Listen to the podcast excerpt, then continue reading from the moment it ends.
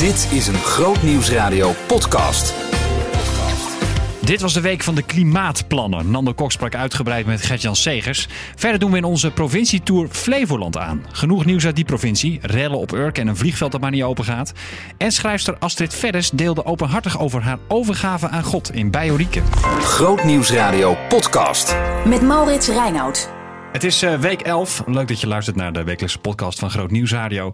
Het werkt als volgt. Uh, elke vrijdag ga ik even zitten om het beste en het mooiste wat we op zender hebben gedaan te bundelen tot uh, ja, een podcast van zo'n beetje 20 minuten. Dus je bent er zo doorheen en dan heb je toch weer alles mee. Um, Nando Kok, jij bent de presentator van Sandwich, een lunchprogramma zou je kunnen zeggen. En dat programma dat zit vol met muziek, allerlei dingen. En ook met nieuwsgesprekken die normaal nou, rond uh, 6, 7 minuten duren. Ja. Uh, maar uh, donderdag had jij een wat langer gesprek met Gertjan Segers. Dat was waarschijnlijk vanwege de verkiezingen. Hoe was dat om zo lang met, met iemand te praten? Allereerst, uh, Maurits, uh, dankjewel voor deze uitnodiging in de enige echte Groningen Radio Weekoverzicht podcast. Want dat is heel leuk om daar een keer in te zitten. Um, ja, heel leuk. Ik vond het een, een, een, een, De tijd vlog alsnog voorbij. Het was ja. voor mij net als de normale zeven minuten. Maar dat komt ook omdat ik heel veel uh, onderwerpen op mijn lijstje had om met hem te bespreken. Um, uh, sowieso de verkiezingen, de provincie, de Eerste Kamer, zijn verwachtingen daarin. Uh, maar het thema van de verkiezingen, kan je toch wel zeggen, is het klimaat. Ja. En dan gaat het niet alleen over uh, de maatregelen die het kabinet wil nemen. Dan gaat het niet alleen over de doorrekeningen die deze week zijn gepresenteerd. En de reacties daar dan weer op. En de maatregelen die uh, naar aanleiding daarvan zijn gepresenteerd. Um, maar dan gaat het ook over de argwaan die rond dat thema ja. in, in. Ongeloof in ja. In de macht, in de politici, ja, in maar de ook, cijfers. Ook in de cijfers, in de planbureaus. Uh, en uh, ik was heel erg benieuwd uh, hoe hij Nederland nou ja, deze laatste paar dagen richting de verkiezingen gaat overtuigen van uh, uh, dat je achter die cijfers moet, moet staan. Want dat vindt hij. Ja. Uh, en nou, dat vond ik heel... Hij noemt het de scheidsrechter eigenlijk in, in de wedstrijd. Ja. Politiek noemt hij dan een wedstrijd. En, en de, de mensen die met de cijfers komen, de planbureaus, dat ja. zijn een soort van de scheidsrechters. Ja, en daar moeten we uh, in uh, uh, geloven. Daar moeten we op, op vertrouwen. Mhm. Mm -hmm. want zonder, zonder scheidsrechter heb je geen wedstrijd. Al zijn er partijen die dat vertrouwen juist opzeggen. Ja, precies. Nou ja, en waar komt het dan op neer? Nou ja, en hoe ga je daarmee om? Ook als je ziet dat in het Europees Parlement cijfers en feiten ook geen deel meer uitmaakten van het debat rondom de pulsvisserij. Mhm. Mm -hmm. Wat is dan wel, wat, wat speelt dan wel? Wat, wat, wat is dan wel belangrijk in zo'n debat. Ja. ja. Dit is toch al, uh, jij pakt meteen ook het hoogtepunt van het uh, gesprek eruit, uh, wat mij betreft. Want dit is ook wat ik geselecteerd heb om in de podcast te gebruiken. Dus we gaan luisteren naar Gert-Jan Segers in Sandwich met Nando Kok. Um, voor mijzelf breng ik het altijd allereerst terug naar mijn diepste drijfveer. Waarom, waarom doen we dit? De zorg voor de schepping is ons toevertrouwd. Wij zijn rentmeesters. Als dan wat is het? 90 plus procent, uh, uh, het over, overgrote deel van alle klimaatwetenschappers, waar ook ter wereld, zeggen: er is opwarming en de mens is verantwoordelijk en dat komt door CO2-uitstoot. En het is misschien nog net niet 5 voor 12, maar dan is het toch al 7 voor 12. We moeten nu handelen. We hebben een akkoord gesloten in Parijs. Dan moet Nederland zijn verantwoordelijkheid nemen. En dan vind ik het dat als christelijke partij en als christelijke politicus dat, ik het, dat we het aan onze stand verplicht zijn om die verantwoordelijkheid te nemen. Voor de zorg voor de schepping. Dus dat is mijn eerste drijfveer. Ik wil af van het gas uit Groningen. Ik wil af van olie uit het Midden-Oosten. Waar een hele duistere versie van de islam mee wordt gesponsord. En ik wil toe naar schone energie. Nou, dat is een enorme omslag. Nu ligt de, de doorrekening van de planbureaus op tafel. In deze verkiezingstijd gebruiken alle partijen de cijfers voor hun eigen standpunten. Hoe kunnen we nou als kiezer weten welke conclusies we moeten geloven? Um, het is wel heel erg belangrijk dat je wijst op die planbureaus. Want dat zijn onze onafhankelijke scheidsrechters. Dus waar ik mij zorgen over maak, dat zijn partijen die zeggen: geloof ze niet. Geloof die planbureaus niet. Geloof het Nibud niet. Geloof uh, nou ja, alles wat ons uh, door dat soort instanties wordt aangereikt, trek het in twijfel. Want dan hebben we namelijk geen enkele zekerheid meer wie de waarheid spreekt. En dat is altijd is dat discutabel. En je kunt, natuurlijk kun je zelfs vragen stellen bij die planbureaus. Dat is allemaal prima. Maar het zijn wel onze scheidsrechters. En als je een wedstrijd speelt en we spelen in de politiek een wedstrijd en we moeten proberen onze punten te scoren. Maar dan heb je wel een scheidsrechter nodig die zegt: dit is waar en dit is niet waar. Ja, maar scheidsrechter kan ook partijdig zijn. Um, maar dan kun je dus helemaal niemand meer geloven. Dan heb je dus geen enkele uh, uh, meester, geen enkele docent meer uh, die inderdaad met een rode pen kan zeggen en dit deugt niet en dit deugt wel. Ja, maar dat ook is ook een... mijn punt, want misschien doen cijfers er helemaal niet meer toe. Het, het, gaat om het overbrengen van emotie. We zagen dat toen uw collega Peter van Dalen in het Europarlement met wetenschappelijk onderbouwde argumenten een enorme nederlaag moest incasseren als het ging om de pulsvisserij. In een ja. tijd waarin cijfers niet meer doorslaggevend zijn, hoe gaat u Nederland dan overtuigen? Ja, dat betekent dat je dat steeds weer moet uitleggen wat de cijfers zijn, wat de werkelijkheid is. Um, en daar moet je volstrekt eerlijk over zijn. Dus als mensen wantrouwen hebben en cynisch zijn vanwege gebroken beloftes in het verleden of vanwege politici die niet helemaal de waarheid spraken, dan heb ik daarmee te maken. Dus ik merk ook dat wantrouwen. Maar het enige wat ik daar tegenover kan stellen is dat ik met mijn beste weten en mijn beste kunnen altijd de waarheid spreek en altijd de waarheid probeer te dienen. En ik moet ook eerlijk zijn als iets duurder wordt. Ik moet eerlijk zijn als we iets uh, een rekening naar beneden kunnen brengen. Dus ik, ik probeer ook, ook als christen probeer ik zo oprecht mogelijk te zijn. Dus, dus, dus ja, dat vraagt ook iedere keer om een, een, een inkeer naar binnen en om iedere keer ook een zelfonderzoek, om, om, om jezelf ook, um, um, ook te toetsen. Maar vervolgens kan ik mensen niet dwingen om mij te geloven en dwingen om te geloven wat zo'n wat zo'n planbureau zegt. Maar Nogmaals, het zijn onze enige scheidsrechters. En ik zou maar bij een wedstrijd zou ik maar heel zuinig zijn op die scheidsrechter. Want als je hem niet meer hebt, dan ontaart het spel. Ja. Klimaat dat staat nu uh, hoog op de agenda, maar er is ook kritiek. We merken dat ook bij onze luisteraars. Met name over de vraag: is het wel zo erg als ons gezegd wordt? Uh, wat zegt u tegen mensen met die twijfels? Dan zeg ik, um, kijk eens naar die wetenschappers die vanuit heel de wereld, dus elk continent heeft zijn, zijn beste wetenschappers geleverd. Elk land heeft zijn beste wetenschappers geleverd. Die zijn bij elkaar gaan zitten en die hebben gezegd, de aarde warmt veel sneller op dan het ooit heeft gedaan. De mens is daarvoor grotendeels verantwoordelijk. Dat is een aan zekerheid grenzende waarschijnlijkheid. Dus dat, we weten vrijwel zeker, hè, dus met die kleine slag om de arm, we weten het vrijwel zeker dat die mens verantwoordelijk is. En we weten ook dat als we die opwarming wat kunnen tegenhouden, wat kunnen afremmen, dat dat goed is voor de biodiversiteit, dat dat goed is voor de leefbaarheid, dat dat overstromingen scheelt, dat dat droogte scheelt, dat dat uh, klimaatvluchtelingen scheelt, uh, dat dat de leefbaarheid van de schepping zal dienen. En we hebben maar één schepping. We hebben maar één aarde die ons is toevertrouwd. Dus we kunnen niet experimenteren. We kunnen niet zeggen, weet je wat, we gaan eens een proef op de som nemen en we gaan niks doen. Nee, dit is de wereld die ons is toevertrouwd. En ik heb drie dochters en ik weet dat vroeg of laat, en dat doen ze soms nu al, maar zeker over een tijdje als het blijkt dat het inderdaad zo erg is, inderdaad zo alarmerend, dan weet ik dat zij mij zullen vragen: wat heb je gedaan? Jij zat op die blauwe stoel in die Kamer. Jij zat in een coalitie. Wat heb je gedaan? Laat ik het, laat ik het, en dat mag hier bij Groot Nieuwsradio, laat ik het nog één trede dieper nog één tree dieper gaan. Ik moet ook verantwoording afleggen ten, aanzien van de schepper, ten aanzien van God. Ook hij zal mij vragen: wat heb je gedaan?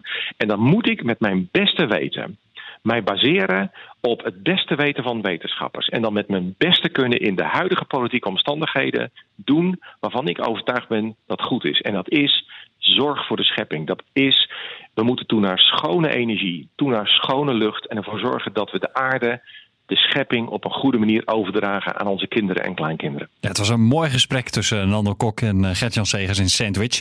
Uh, die scheidsrechter waar Gert-Jan Segers het de hele tijd over heeft, namelijk uh, het Planbureau voor de Leefomgeving, die hebben we ook gesproken. Dat deden we op woensdag, de dag dat de cijfers bekend werden in de dag van vandaag om kwart over vijf.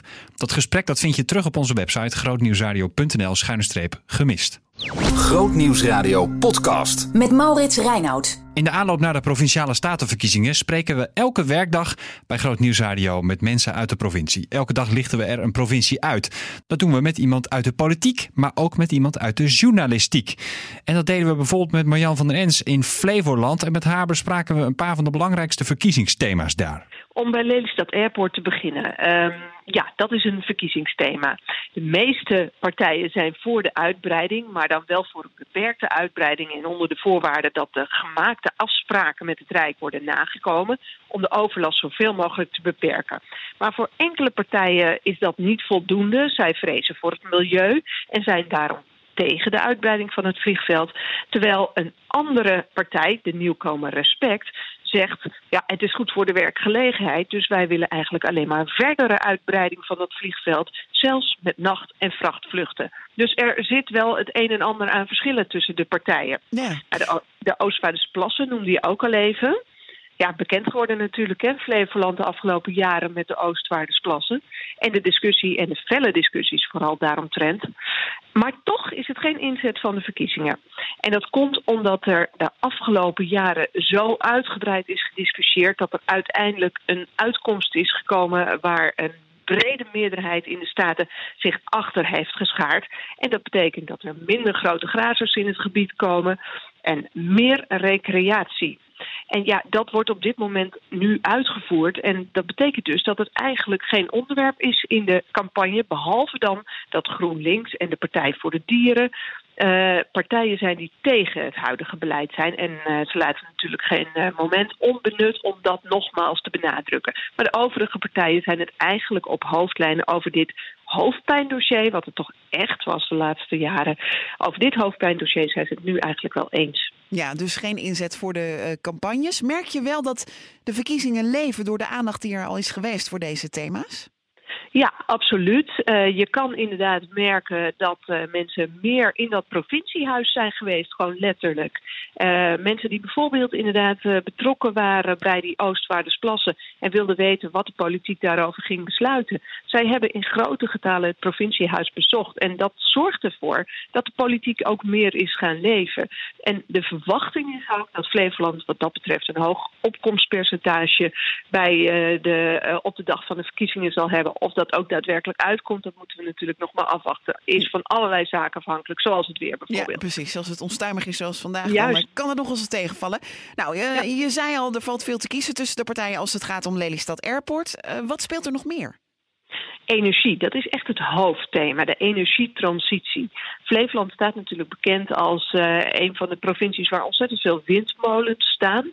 Nou, dat is nog steeds zo. Het worden er weliswaar wat minder, want men heeft een beleid van het zogenaamde opschalen en saneren. Dat wil zeggen dat er minder molens komen, maar wel grotere molens. Ja, en die tasten natuurlijk uh, ook het landschap aan. En voor sommige partijen is dat zo belangrijk dat ze zeggen: Nou, het is nu wel genoeg met het aantal windmolens in Flevoland. Er mogen er niet meer bij. Andere partijen zeggen juist: het is een prachtige vorm van uh, uh, groene energie, dus daar moeten we mee doorgaan.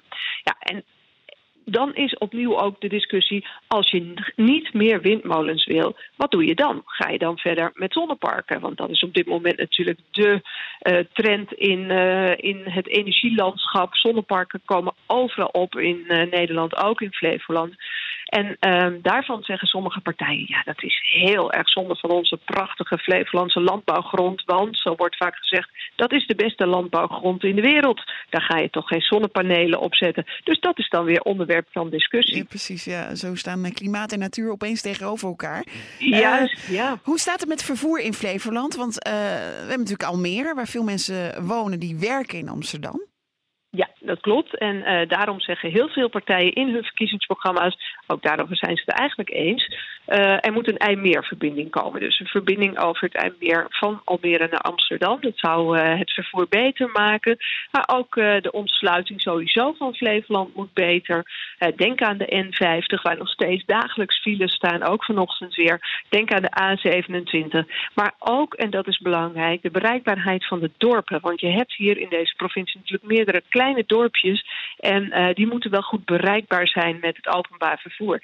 Dat is soms best lastig, want als je een buslijn laat rijden, ja, dan zitten daar soms te weinig mensen in. En dus moet je dat op een andere manier gaan oplossen. Dus bij veel partijen is er aandacht voor de bereikbaarheid van de dorpen. Marjan, jullie hebben alle lijsttrekkers gesproken. Uh, die interviews zijn terug te vinden op de site van Omroep Flevoland. Wie vallen erop? Nou, eigenlijk iemand die um, niet te zien is. En dat is de enige van de 16 lijsttrekkers. Uh, Radio is ook een mooi medium, hè? Ja. Ja, ja, ja, maar helaas ook niet te horen. Oh. Het is heel jammer, maar uh, Forum voor Democratie staat ons niet te woord. Ja, we hebben er al echt al weken aangetrokken. En het is misschien niet uh, opvallend voor Flevoland, want ik denk dat het ook in andere provincies, of ik weet dat het in andere Zeker. provincies ook het geval is. Ja. ja, Forum voor Democratie wil ons niet te woord staan. Ik heb wat magere mailtjes gehad maar verder doen ze niet mee met debatten en niet mee met verkiezingsfilmpjes. Dus uh, wat dat betreft is het uh, voor de kiezer in Flevoland in ieder geval lastig om erachter te komen waar Forum voor Democratie voor staat. Want ook voor het overige, en niet alleen op radio en tv bij Omroep Flevoland, maar ook voor het overige merk ik weinig van de partij. Mm. En desondanks uh, hoorde ik ook zojuist weer in jouw nieuwsoverzicht, staat de partij qua peilingen op winst. Ja. Dus um, ja, het is een uh, bijzondere manier van campagne voeren. Maar dat is in ieder geval de partij die opvalt. Ja, dan zouden in één klap nu uh, met acht zetels de Eerste Kamer binnenkomen. Ja. ja. Het huidige college, tot slot, uh, van de Provinciale Staten in Flevoland... -hmm. bestaat nu uit ja. vijf partijen. Hoe groot is de kans dat die nog groter wordt na de verkiezingen? Nou, best wel groot. Want het huidige college, ja, dat bestaat uit vijf partijen. Je zei het al, VVD, CDA, D66, SP en... Uh, uh, sorry, SP was het voorheen. Ze hebben ruzie onderling gehad. De SP is er uitgegaan een jaar geleden. En nu is de SP vervangen door de ChristenUnie en de PvdA. En daarmee heb je vijf partijen. Maar de kans dat die partijen weer op een meerderheid in de Staten kunnen rekenen... is niet zo groot. Door de versplintering in de politiek denk ik dat er nog een zesde aan toe zal moeten worden gevoegd. Daar gaan veel partijen ook al vanuit. Ja, en dan zullen het wel eens lange onderhandelingen kunnen worden, denk ik. Uh, voordat er echt daadwerkelijk weer een nieuw college in Flevoland zit. Dat was uh, Marjan van den Eens van Omroep Flevoland. Alle fragmenten die we verzamelen in uh, de dagen na de Provinciale Statenverkiezing, die vind je ook op onze website. Ga even naar grootnieuwsradio.nl schuine verkiezingen. Daar vind je een overzicht van alle provincies en dus ook de interviews die we hadden met iemand uit de politiek en iemand uit de journalistiek. grootnieuwsradio.nl schuine verkiezingen. Grootnieuwsradio podcast. Met Maurits Reinoud. Astrid Vedders heeft een boek geschreven, Welkom aan boord. Het gaat niet over vliegreizen, wat je zou denken, omdat ze 3,5 jaar stewardess is geweest. Nee, het gaat over het leven met God. En de vliegreis is puur en alleen een metafoor. We beginnen bij het opstijgen. Het moment dat Astrid uh, opgevoed als christen, uh, niet per se heel erg uh, diep daarmee bezig in het dagelijks leven, leest in de Bijbel over de gaven van de Heilige Geest. Ik las dat en ik was zelf opgegroeid met alle gaven van de Heilige Geest zijn gestopt in handelingen. Het bestaat niet meer. Maar ik, ik las erover en niks wees uit dat het niet meer bestond. En, maar ik zag het ook in mijn omgeving. Alle gaven van de Heilige Geest opereren door mensen heen. Ja. En toen dacht ik ook van, hey, wat, wat apart. Van, uh, ik heb, er is nooit iemand die mij heeft uitgelegd dat het ook voor vandaag de dag is. Hm. Ja, en, en, en wat was het moment dat je zelf bij jezelf te raden ging van, maar welke gave van de geest zou ik dan hebben? Nou, uh, was dat nog een stap te ver? Dat was, uh, nou, er zijn een aantal stappen voor geweest dat, dat ik daarmee in aanraking, in aanraking kwam. En uh, toen woonde ik nog niet in China. En toen had ik er zelfs een aversie tegen. Ik was angstig voor de Heilige Geest. Oh ja? gaaf van de Heilige Geest. Ik dacht, dat is van de duivel. Maar dat is heel raar, want dat ja. is God eigenlijk. Ja. Tenminste, de Heilige Geest is God. Ja. ja. Maar bij mij was het onwetendheid. En, en, en ik, ik, ik wist het niet. Maar ook omdat mij dat zo was geleerd. Hm. En, uh, en toen kwam ik er mee in aanraking. En ik, ik heb het zelf niet gezocht, maar ik kwam er gewoon mee in aanraking. En dat begon eigenlijk al voor onze verhuizing naar China. Mm -hmm. Dat er een man achter mij in een kerk zat, die zat zachtjes in tongen te bidden. En ik heb mijn notenbenen omgedraaid en ik zei, Sst! zo van, hou je mond. Zo ja. eng vond ik het. Ja. En, uh, En hij had zo notabene profetie uh, voor mij. Echt ja? Dus ja, dus, dus toen dacht ik wacht van... Even, wacht even, dit is een vreemde situatie. Want jij, jij er zit een man, uh, zachtjes uh, in tongen te bidden. Het is helemaal in vervoering, die man. En dan zeg jij... En dan vervolgens komt hij ook nog Ja. met een profetie. Ja. Maar wat, wat, wat was die profetie? Nou, die profetie was, en, en de situatie was... het was onze laatste zondag voor ons vertrek naar China. Ja, En ik was heel erg bang. ja. Ik wist wel, God wil ons daar hebben, al wist ik niet waarvoor. Maar ik was wel bang om te gaan, want we hadden drie kleine kinderen. En ik dacht van, oh, dan verhuis- verhuizen we naar China. ja. Kunnen we daar wel gewoon christen zijn, noem maar op. En, eh, en deze man die zei, eh, ja, God heeft me vannacht laten weten dat jij heel erg angstig bent. Want jij gaat ergens naartoe. En je hebt zoveel angst. En je twijfelt, moet ik daar wel naartoe gaan? Maar God wil tegen je zeggen, ga. Want daar, jij, daar waar jij naartoe gaat, daar wil ik je hebben. En dan zul je ook belangrijk werk doen. Je zult niet de eerste viool bespelen, maar de tweede viool. En de boodschap aan je man is van, het is goed. Dus wat ze daar gaat doen, het is goed. Nou, en hij zei, dat is het. Hij had ook uh, oudste erbij gehaald. Hij was zelf daar maar te gast. Heeft er de oudste van de kerk bijgehaald als getuige. ja. En toen vroeg hij mij van, uh, nou ben ik benieuwd, ga je ergens naartoe? Ja, Ja, ik zei, we verhuizen dinsdag naar, uh, naar China. Ja. En ik ben doodsbang. ja, Dus het was een bemoediging voor die man, ja. maar ook voor mij. Alhoewel, ik, ik wist toen niet goed wat ik ermee moest. Want het was de eerste keer in mijn leven dat ik zoiets meemaakte. ja. Maar Dus het ik was lijkt me sowieso bijzonder. Ja, het was heel bijzonder. Ja. Maar ik durfde het niemand te vertellen, want ik dacht, ze lachen me allemaal uit. Ja? Omdat ik uit die traditie kwam. Van, Ja, van dit, dat, dat kan niet meer. Dat bestaat Nee. niet meer in deze Nee. tijd. Nee, dus toen heb ik bewaard in mijn hart Ja. en, eh, en naar China toegegaan. En ja, daar zijn hele bijzondere dingen gebeurd. Ja. En het is ook bevestigd, dat woord. Wat, wat ging jij daar doen? Welke tweede viool bespeelde jij? Ik heb meegeholpen bij een prison ministry, dus gevangenisbediening, vanuit China in Thailand. In een van de meest ernstige eh, qua mensenrechten gevangenissen die je kunt bedenken. Oké. En eh, daar gingen we de gelovige mensen die daar zaten, gingen we opbouwen, bemoedigen. En we brachten ook eh, ehm, producten als tandpasta, eh, shampoo, noem maar op. Ja, gewoon verzorging. Verzorging, ja. En eh, daar hielp ik mee als tweede vrouw om Hmm. eh, het werk te ondersteunen. Jongen, het is wel bijzonder om te zien dat het dan allemaal uitkomt ook. Ja, Wat het tegen je gezegd is. ja, dat was heel bijzonder. Ja. We hebben het eigenlijk over, eh, aan het begin van de uitzending noemde ik, we gaan het over twee, twee dingen voornamelijk hebben. Dat is eh, bijvoorbeeld overgave is een van die thema's.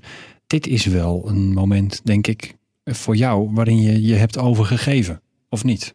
Of, of Nou, dat kwam, eh, dat, wa dat, dat waren de eerste stappen. En ik heb een hele bijzondere ontmoeting gehad in die gevangenis. En, eh, in Thailand, in Bangkok. En ehm er werden ook vragen gesteld aan mij over de Heilige Geest. En ik kende de Heilige Geest niet. nee. En toen terug in, eh, in China, we wonen in Beijing. Toen dacht ik, ik moet meer te weten te komen over de Heilige Geest. Ja. En, eh, en ik heb gewoon God gevraagd van, ik ken de Heilige Geest niet, maar, maar leer mij en ook over uw gaven. En, eh, en dat is gebeurd. En toen wist ik van, hey, wil ik me, wil ik me laten leiden door de Heilige Geest, Mhm. dan zal ik me ook volledig moeten overgeven aan God. Mijn eigen wil ondergeschikt maken aan zijn wil. Me laten eh, leiden, corrigeren, bijsturen waar nodig is. Maar daar is volledige overgave voor nodig. ja. Ja. En, en moeilijk. En moeilijk, ja. Daar heb ik echt wel even mee geworsteld. Hm. Wat was het moeilijkst om op te geven? Je eigen controle. Want je denkt vaak, tenminste, nee, laat ik het zo zeggen. De leugen die ik was gaan geloven, als ik me helemaal overgeef aan God, dan moet ik allemaal rare en gekke dingen doen. En dan wordt het leven saai. En ik ben erachter gekomen van, nee, de, Gods wil is goed, aangenaam en welgevallig. Zijn plannen zijn hoger dan jouw plannen. En als je je overgeeft aan de Heilige Geest, Mhm. als je je eigen wil ondergeschikt maakt aan de wil van God, weet je, dan haalt hij het goud in jou tevoorschijn. En hij gaat je bijsturen, hij gaat je leiden, hij gaat je corrigeren. En dan begint het avontuur. Je bent eigenlijk een instrument geworden in, in, in, in Gods Ja. handen Ja, daardoor. zonder dat je je eigen wil, eh, je, je houdt je eigen wil. Ja. Maar je laat je aansturen door de wil van God. En ja, voor mij is het avontuur toen begonnen. Astrid Verres was dat en haar boek vind je in onze webshop. Welkom aan boord. Komende week op Groot Nieuws Radio. Het hoge noorden, we komen eraan. Je hebt nog twee provincies van ons te goed. Want we doen natuurlijk die provincietour aan, aan de hand van de provinciale statenverkiezingen. En uh, we gaan nog naar Groningen en naar Friesland. Maandag en dinsdag.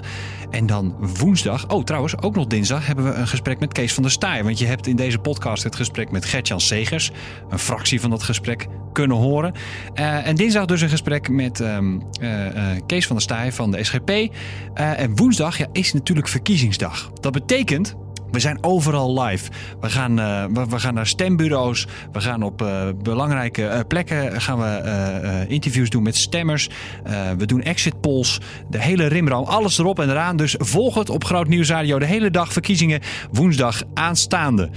En uh, vergeet niet om zelf natuurlijk naar de, naar de stembus te gaan. Hè? Oh, oh, oh, dat is wel belangrijk.